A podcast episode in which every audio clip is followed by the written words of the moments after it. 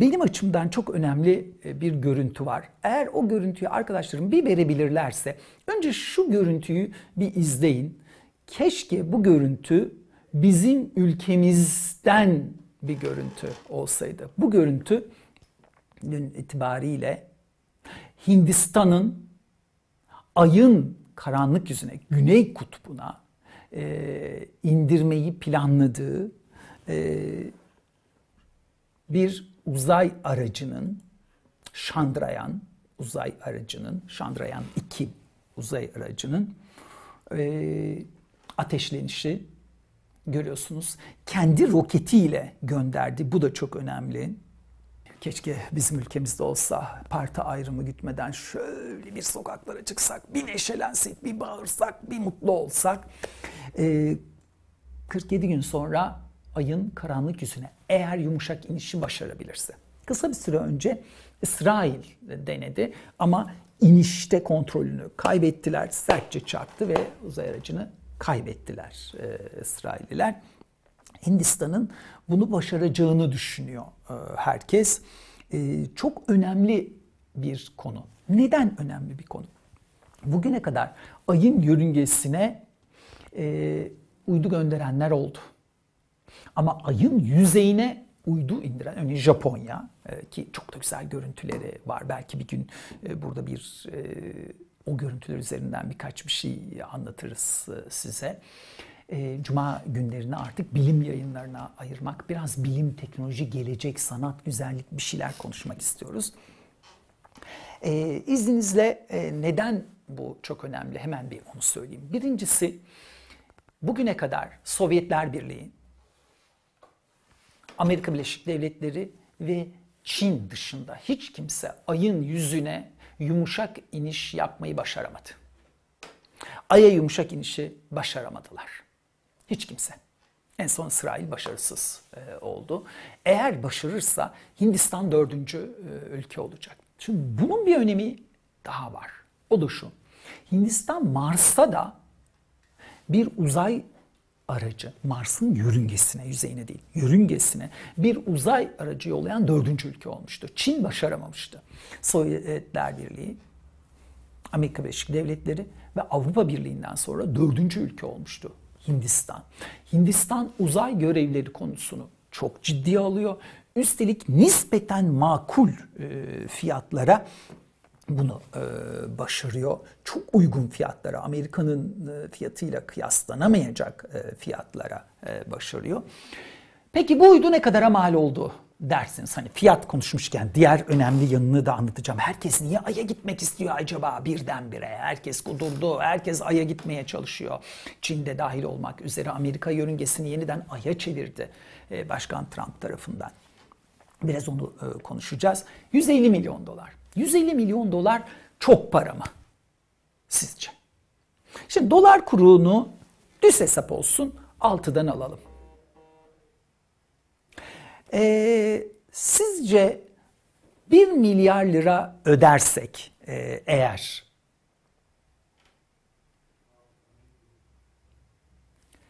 üçüncü köprüye, İstanbul'daki üçüncü köprüye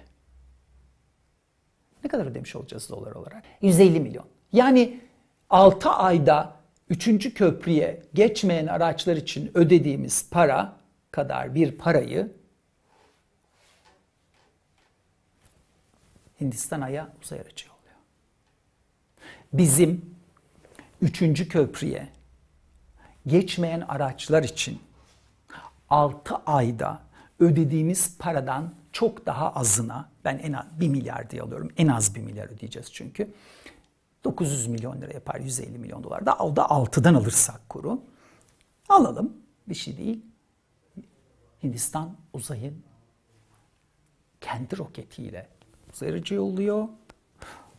Ay'a indirecek bunu 150 milyon dolar.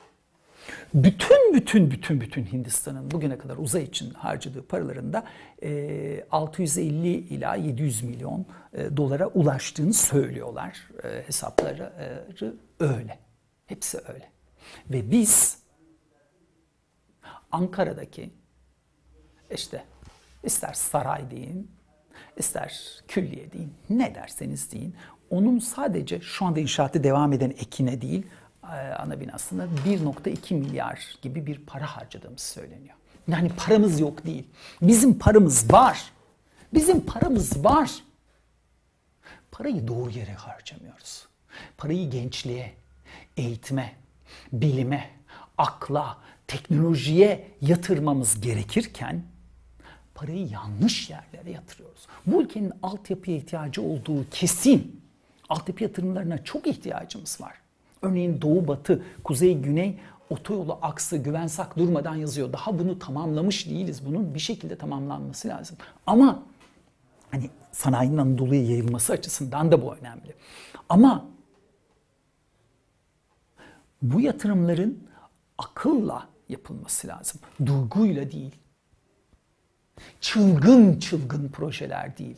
Akılcı projeler derken aslında ben bunu kastediyorum. O roketi biraz önce gördünüz. Hadi bir daha versin arkadaşlarım bir daha görün. Ben defalarca izledim. Canlı yayınında izledim. Ee, bir daha verin Bahar e, görüntüyü rica etsem. Bakın Hindistan'ın kendi roketi e, bu. E, neden bu kadar önemli konusuna bir şey daha e, söylemek e, istiyorum.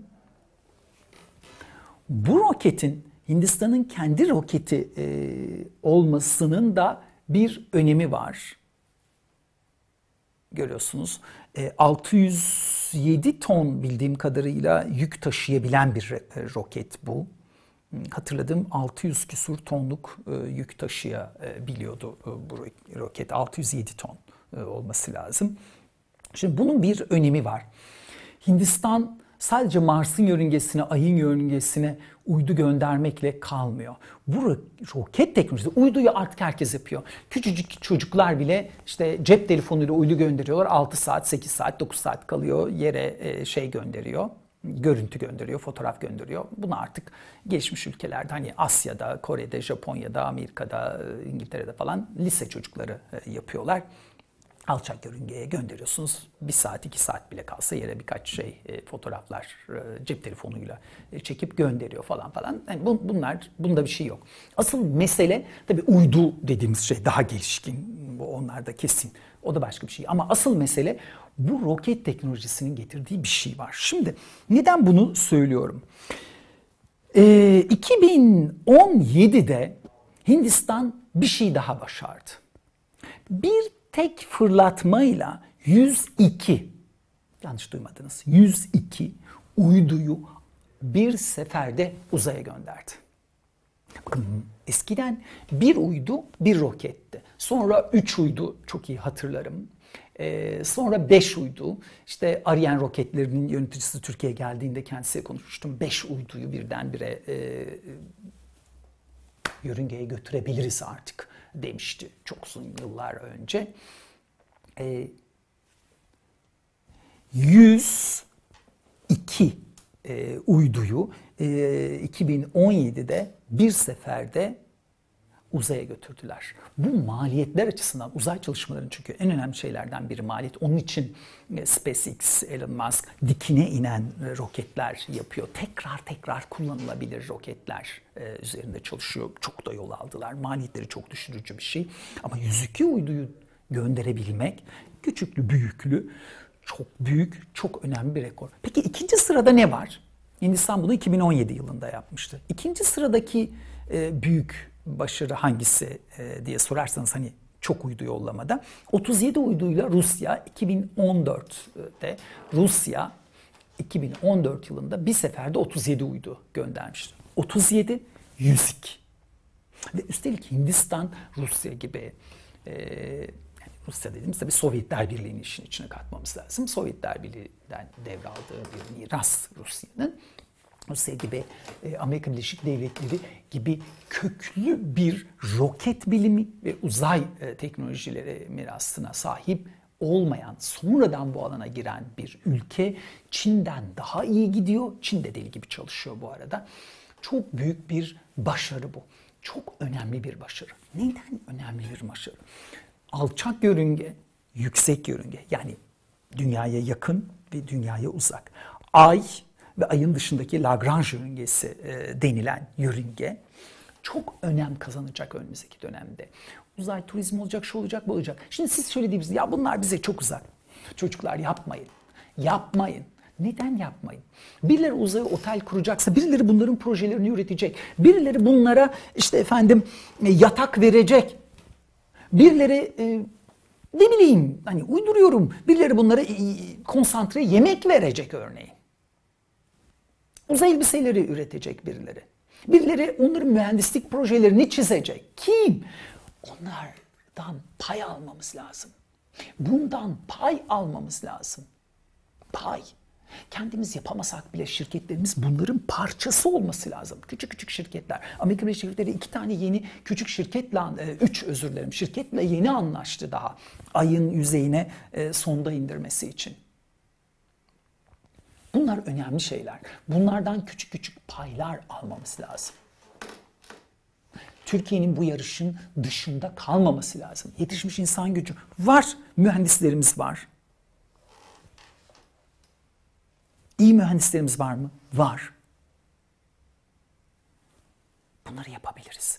Bu yarışın dışında kalmamamız lazım. Tamam bir SpaceX çıkaramayabiliriz. Fransa da çıkaramıyor. Ama Fransa'nın, Almanya'nın, İngiltere'nin o yarıştan, oralardan beslenecek şirketleri var. Bunların yazılımlarını birileri yazacak en azından. Oralarda sağlık hizmetleri olacak. Nasıl olacak acaba bunlar? Birileri bunları çalışacak. Oralarda e, hidrofonik mi olacak, nasıl olacak e, tam olarak hepsi deneniyor daha. Şu anda emin değiliz. Ama besinler üretilecek örneğin. Bunlardan bizlerin paylar alabilecek zihin yapısında olmamız lazım. Bu yüzden akademinin yeniden akademiye dönmesi lazım. Üniversitelerimizin üniversite haline gelmesi lazım. Üniversitelerimiz şu anda hani kötü bir şey de söylemek istemiyorum. Hep kötü şeyler söylüyor diyorsunuz ama bu ülkeyi sevdiğimiz için e, söylüyoruz. Yeniden üniversite olması lazım. Akademisyenlerin yeniden akademisyen olması lazım gerçek akademisyenler olması lazım. Uluslararası yayınlarda atıf alan akademisyen ki çok iyi akademisyenlerimiz var. Gerçekten e, bir hayalim var. Size genç, başarılı, uluslararası çapta, dünya çapında başarılı işlere imza atan akademisyenleri tanıtmak istiyorum. Eğer e, bir sponsor bulabilir, maliyetimizi karşılayabilirsek sizlerle onları tanıştırmak istiyorum. Eğer öyle bir şey bulamazsak da onları buraya getireceğim, buraya oturtacağım. Size gurur duyacağınız pırıl pırıl, gencecik, dünya çapında işler yapan insanların dünyanın en iyi üniversitelerinin transfer etmeye çalıştığı ama hala Türkiye'de kalan dünyanın en büyük fonlarının sen yeter ki bunu geliştir diye paralar verdiği insanlarla sizi burada tanıştıracağım. Ee, dediğim gibi eğer şey yapabilirsek dışarı onların laboratuvarlarına gideceğiz. Yoksa da buraya e, getireceğim ve sizlerle tanıştıracağım. Bu ülkede akıl ve zeka eksik değil. Var. Ara eleman ülkesi değil burası. Değil. Burası yetenekli insanların ülkesi. Daha önce burada ekonomi yayınında söylemiştim. Almanya'nın doğusunda kutuptan kutuba bir hat çizin. Hindistan'ın batısında kutuptan kutuba bir hat çizin. Arada yüz milyonlarca insan yaşıyor. Bu yüz milyonlarca insanın yaşadığı onlarca ülke hiçbirisi Türkiye'nin insan kaynakları kalitesiyle Türkiye'nin Türk şirketlerinin, bu ülke şirketlerinin e, nasıl diyeyim ekonomiyle baş edebilme kapasitesiyle, yeteneğiyle Türkiye'nin finans altyapısıyla yarışacak bir ülke yok. Yok. Ama İran bilimsel atıf konusunda Türkiye'ye geçti. Bu Türkiye'nin ayıbı. 2018 itibariyle İran bilimsel atıf anlamında Türkiye'nin önüne geçti. İran Türkiye'nin ezeli rakibidir. Rusya çok sonra rakibimiz olmuştur bizim.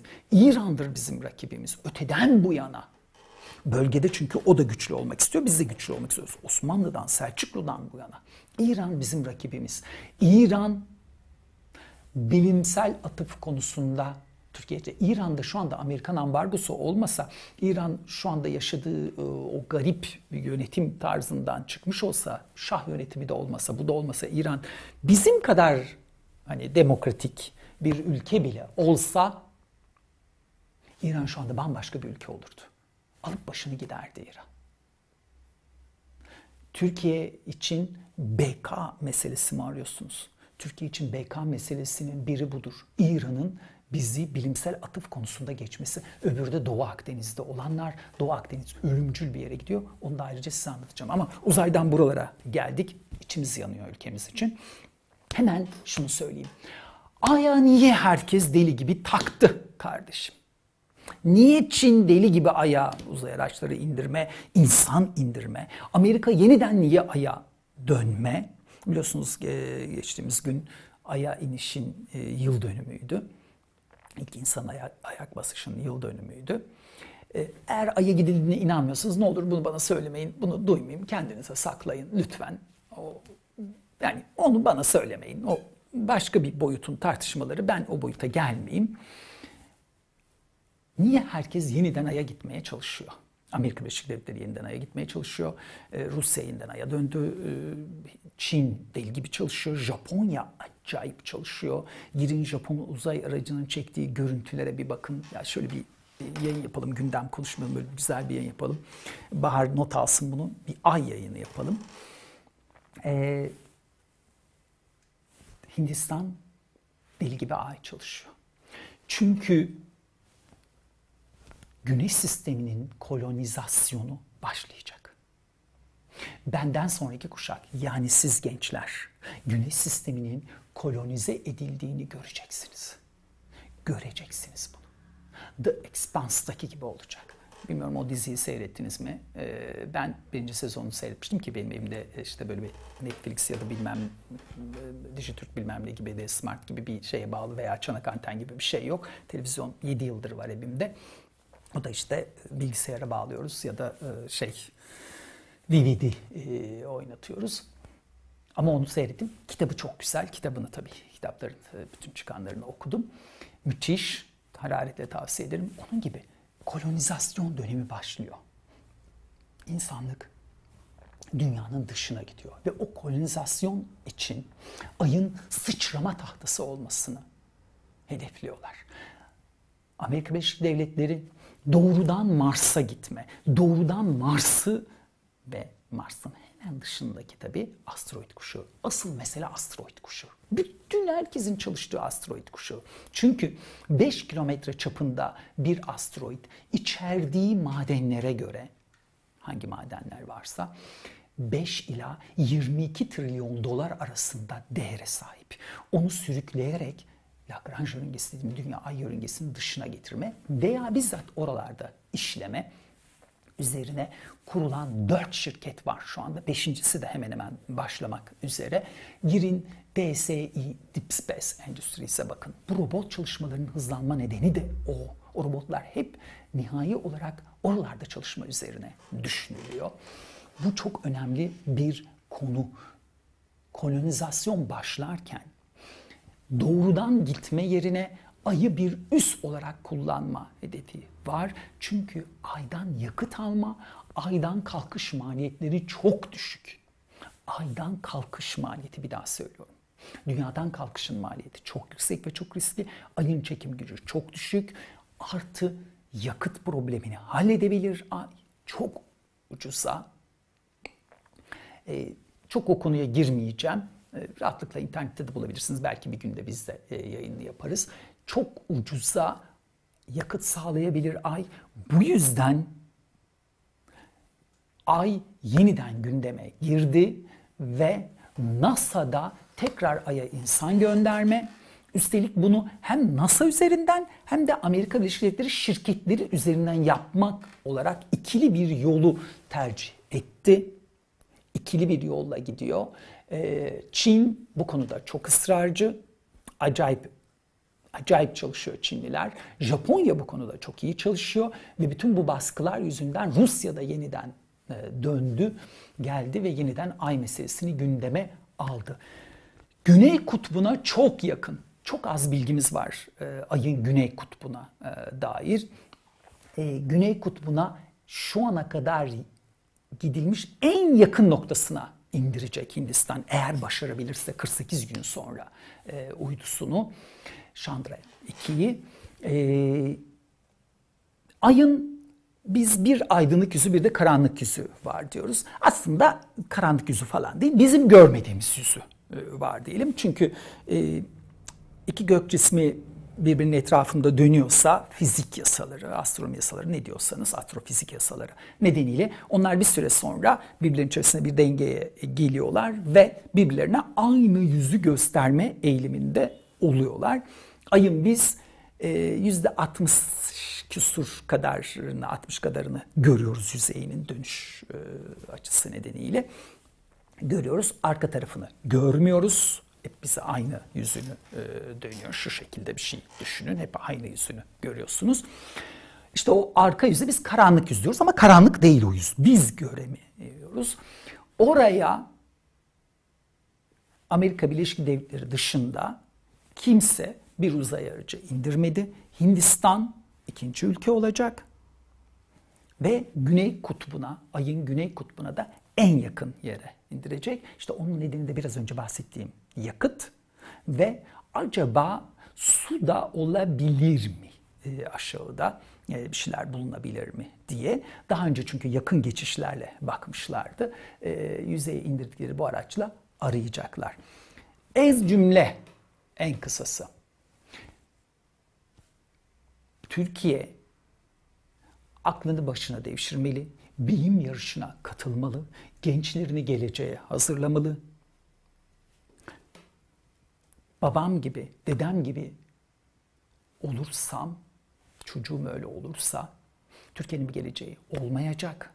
Siz gençlerin bir geleceği olmayacak. Sizin geleceğinizi şu anda riske atıyoruz. Bunu yapmamalıyız. Türkiye Yunanistan değil, Romanya değil, Bulgaristan değil.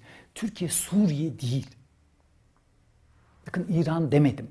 İran çok önemli bir e, güç, çok önemli bir geleneğin bekçisi. Biz de öyleyiz.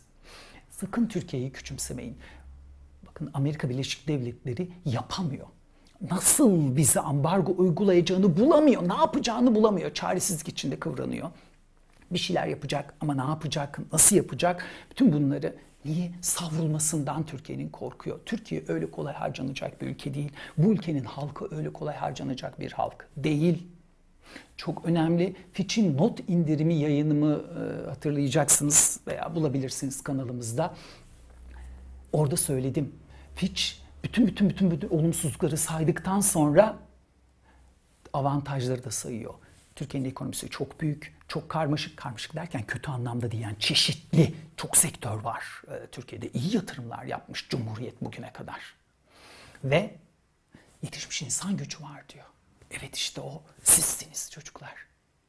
Ve sizin babalarınız, anneleriniz şu anda çalışıyorlar. Abileriniz, ablalarınız. İyi yetişmiş insan gücü var Türkiye'de. Dünyanın her yerinde başarılar kazanıyorlar bunlar. Biz yüzümüzü geleceğe dönmeliyiz. Geçmişe bakarak ileriye koşulmaz. Önümüze çıkan her engelde düşüyoruz. Geleceğe bakmamız lazım. Geleceğe odaklanmamız lazım. Bunun birinci yolu eğitim. Şu anda Türkiye'de eğitim sistemi çökmüş vaziyette. Gerçek bir felakete gidiyor. Üniversite sınav sonuçları sanki çocukların suçuymuş gibi söyleyenler. Hatta sınav sonuçlarını eleştirenler bile dikkat ediyorum hiç kimse Milli Eğitim Bakanlığı'na bir laf söylemiyor ya. Hiç kimse hükümete bir laf söylemiyor. 17 yıldır iktidar. Kaç tane Milli Eğitim Bakanı değiştirdi? Kaç tane sistemde? Bir gece yattık. Çocuklar bir türlü sınava gireceklerini zannediyor lise sınıf. Sabah kalktık TEOK diye bir şey kalkmış. Niye kalktı? Çünkü bir kişi karar verdi. Çocuklar üniversite sınavına farklı bir sistemle gireceklerdi. Bir sabah kalktık sınava giriş şekli değişmişti. Ve bütün bunlardan sonra hala gençleri suçlamıyorlar mı? Deliresim var hakikaten. Hala gençler suçlu. Hala gençler ah bizim zamanımızdaki gibi değil. İşte Facebook'ta vakit geçiriyorlar da işte bilmem. E sizin zamanınızda da Facebook olsaydı siz de Facebook'ta vakit geçirecektiniz. Sanki bilmiyoruz biz. Sizin zamanınızda bilgisayar oyunları olsaydı siz de bilgisayar oyunlarında oynayacaktınız. Sosyal medyada oynayacaktınız. Genç bunlar. Tabii ki çıkacaklar, dans edecekler, eğlenecekler, sevecekler, sevilecekler. Terk edecekler, terk edilecekler. Gezecekler, eğlenecekler, dans edecekler ya bunlar genç. Biz de yaptık yani. Herkes yaşının gereğini yapacak. Dolayısıyla gençleri kimse suçlamasın.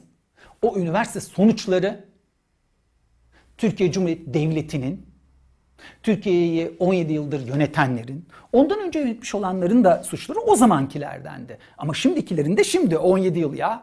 Yani yapaydınız da edeydiniz de düzelteydiniz bu sistemi. Nasıl çöktüğünü bize gösteriyor. Kimsenin de bunun üstüne alınmaması beni şaşırtıyor. Eleştirenlerin de hükümeti eleştirmemeleri ah sınav sonuçları çok kötü. Biyolojide bir tane ya bir tane net olmaz mı ya? 0.9. 0.9. 0.9 net ya. Ha, çocuklar aptal. Çocuklar aptal falan değil. Anne babalarını tanıyorum. Benim yaşıtımdı bu gençlerin. Abilerini, ablalarını biliyorum. Aptal değiller. Aptal olmadıkları meydanda olduğuna göre sistem kendi aptallığını çocuklara dayatıyor. Sonra da çocuklara iyi bölüm kazan, iyi bölüm kazan. Üniversiteleri çok iyi yaptınız da çocuklar iyi bölüm kazandılar. İyi bölüm sayısı artmıyor. Her gün yeni bir üniversite kurulmasına rağmen iyi üniversite dediğimiz herkesin girmek için delirdiği üniversite sayısı artmıyor. İyi bölüm sayısı artmıyor ama sınava giren ben e, sınava girerken 700 bin kişiydi. Şimdi 2 milyona dayandı geldi. Ne yapsın çocuklar? Üstelik de her yıl lise eğitiminin seviyesi aşağıya doğru gidiyor. Çocukların yolunu açmamız lazım. Bu ekonomiden daha can alıcı, bu her şeyden daha can alıcı. Neden? Çünkü ekonomi düzelir. Düzelir. Benim çok güvenliğimde. Verin güven saka yetkiyi ya. Verin size şahane bir ekonomi program çıkarsın ortaya. Şahane bir gelecek inşa etsin. Garanti ediyorum ben size. Verin bana imkan. Ben gereken insanları bakın ben yapacağım demiyorum. Gereken insanları, gereken yetkileri vereceğim. Hepsi belliler. Siz de tanıyorsunuz, ben de tanıyorum. Şahane insanlar var bu ülkede. Vereceksiniz yetkiyi, doğru düzgün yollarını açacaksınız. Geleceği inşa edeceksiniz. Türkiye kısa sürede 17-18 bin dolara gelir. Ondan sonrası, ondan sonrası daha zor işte. Ondan sonrası için yüksek teknoloji üretmemiz lazım. 17-18 bine kadar şu anda yaptıklarımızı iyi yönetişimle yöneterek gelebiliriz. Matematik bunu söylüyor zaten. Ama ondan sonra o 30 bin dolarını işte o Kore'nin başardı. 17-18 binlere gelebilirsiniz 15 binlerin üzerine çıkıyor ki biz çıkamıyoruz. 2008'de 10 bin dolar oldu milli gelirimiz. Bugün 9 bin dolar 2018 sonu itibariyle. 2019 sonunda yani 2020'nin Mart'ında açıklanacak olan da 9 binin altına inme olasılığı var Türkiye'nin kişi başına gelirinin. 10 yılı boşa geçirdik. 15'e gidebiliriz 17'ye gidebiliriz. Ama ondan sonrası için çok iyi eğitim vermemiz lazım gençlere ve e, şundan da vazgeçmemiz lazım. Gençler salak, gençler e, gerizekalı, e, gençler şöyle, gençler böyle. Gençler çok iyiler. İMC'deydim ben. Oradaki çocukları da bir buraya getireceğim. Sosyal girişimciler geliyorlar. Yani sosyal girişimci ne demek? Dünyada para para para para para diye çıldıran kapitalist şirketlerin de sonu geldi. Ah biz dünyayı kurtaralım, bize para bağışı yapın, biz dünyayı kurtaracağız diyen derneklere de artık para akıtacak para kalmadı. Zaten bizde yok. Kalmadı. Bu ikisinin birleşimi olan sosyal girişimler, gençler sizin geleceğiniz de orada. Dünyanın derdine, toplumun derdine, ülkenin dertlerine bir çözüm üreteceksiniz. Ondan da para kazanacaksınız. İşte bu.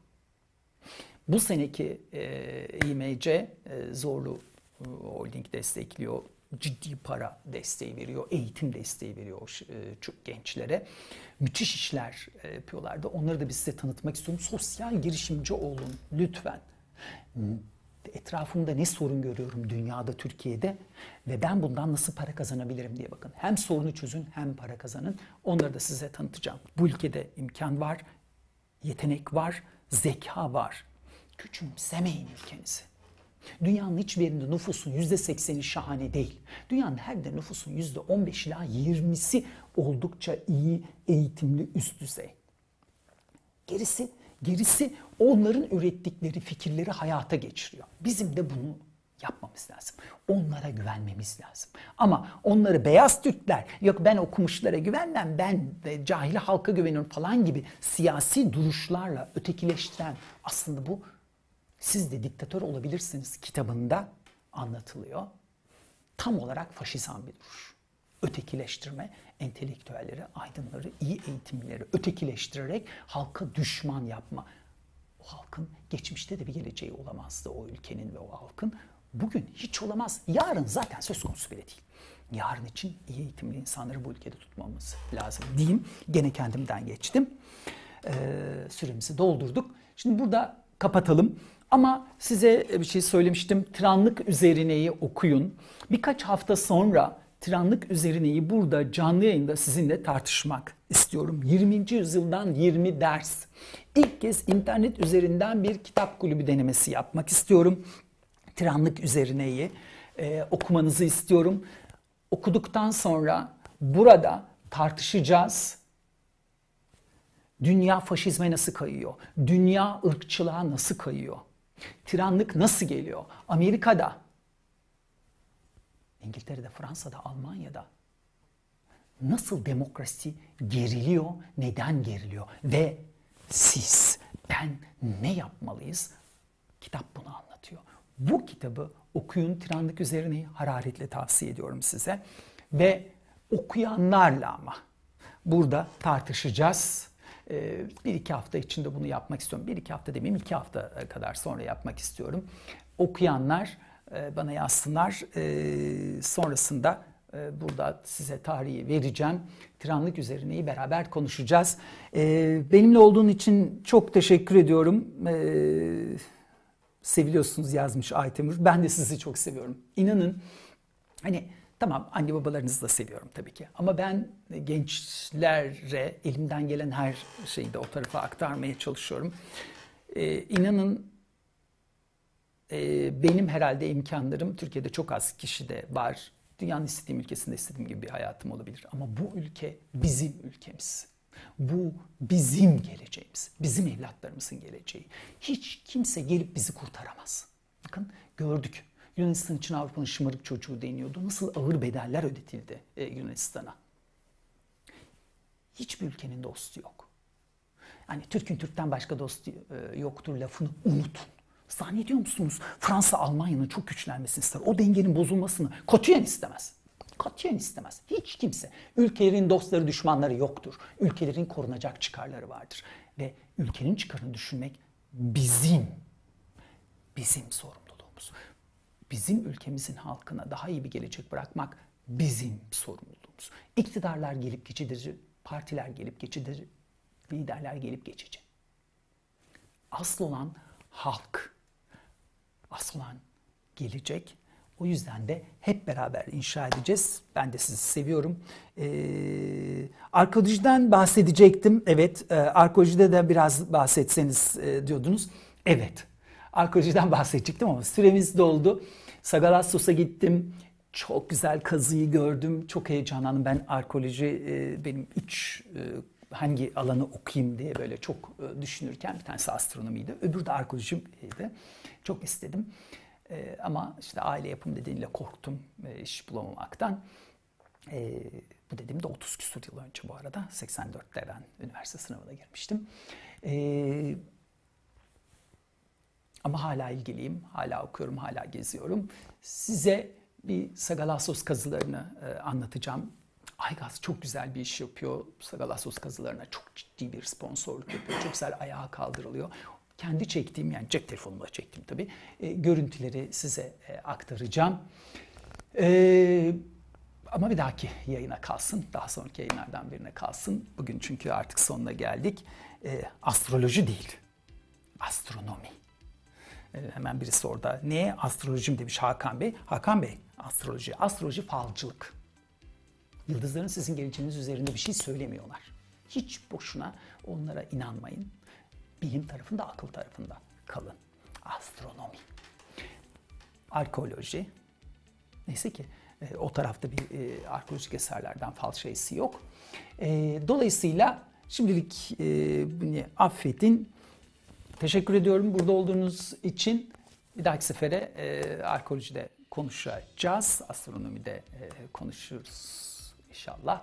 E, yakında başlamayı ümit ediyorum. Cuma günkü yayınlarımızı e, böyle bir bilim, teknoloji, akıl konuştuğumuz bir yayın olmasını istiyorum. Çok sağ olun bizimle olduğunuz için. Akılla, bilimle, vicdanla kalın. İnsan sadece akıl olursa robot olur. Sadece vicdan ya da duygu olursa o zaman da saftirik olur. Pollyanna gibi. İnsan bu ikisinin karması olmak zorunda. Akılla, bilimle, vicdanla kalmamız lazım.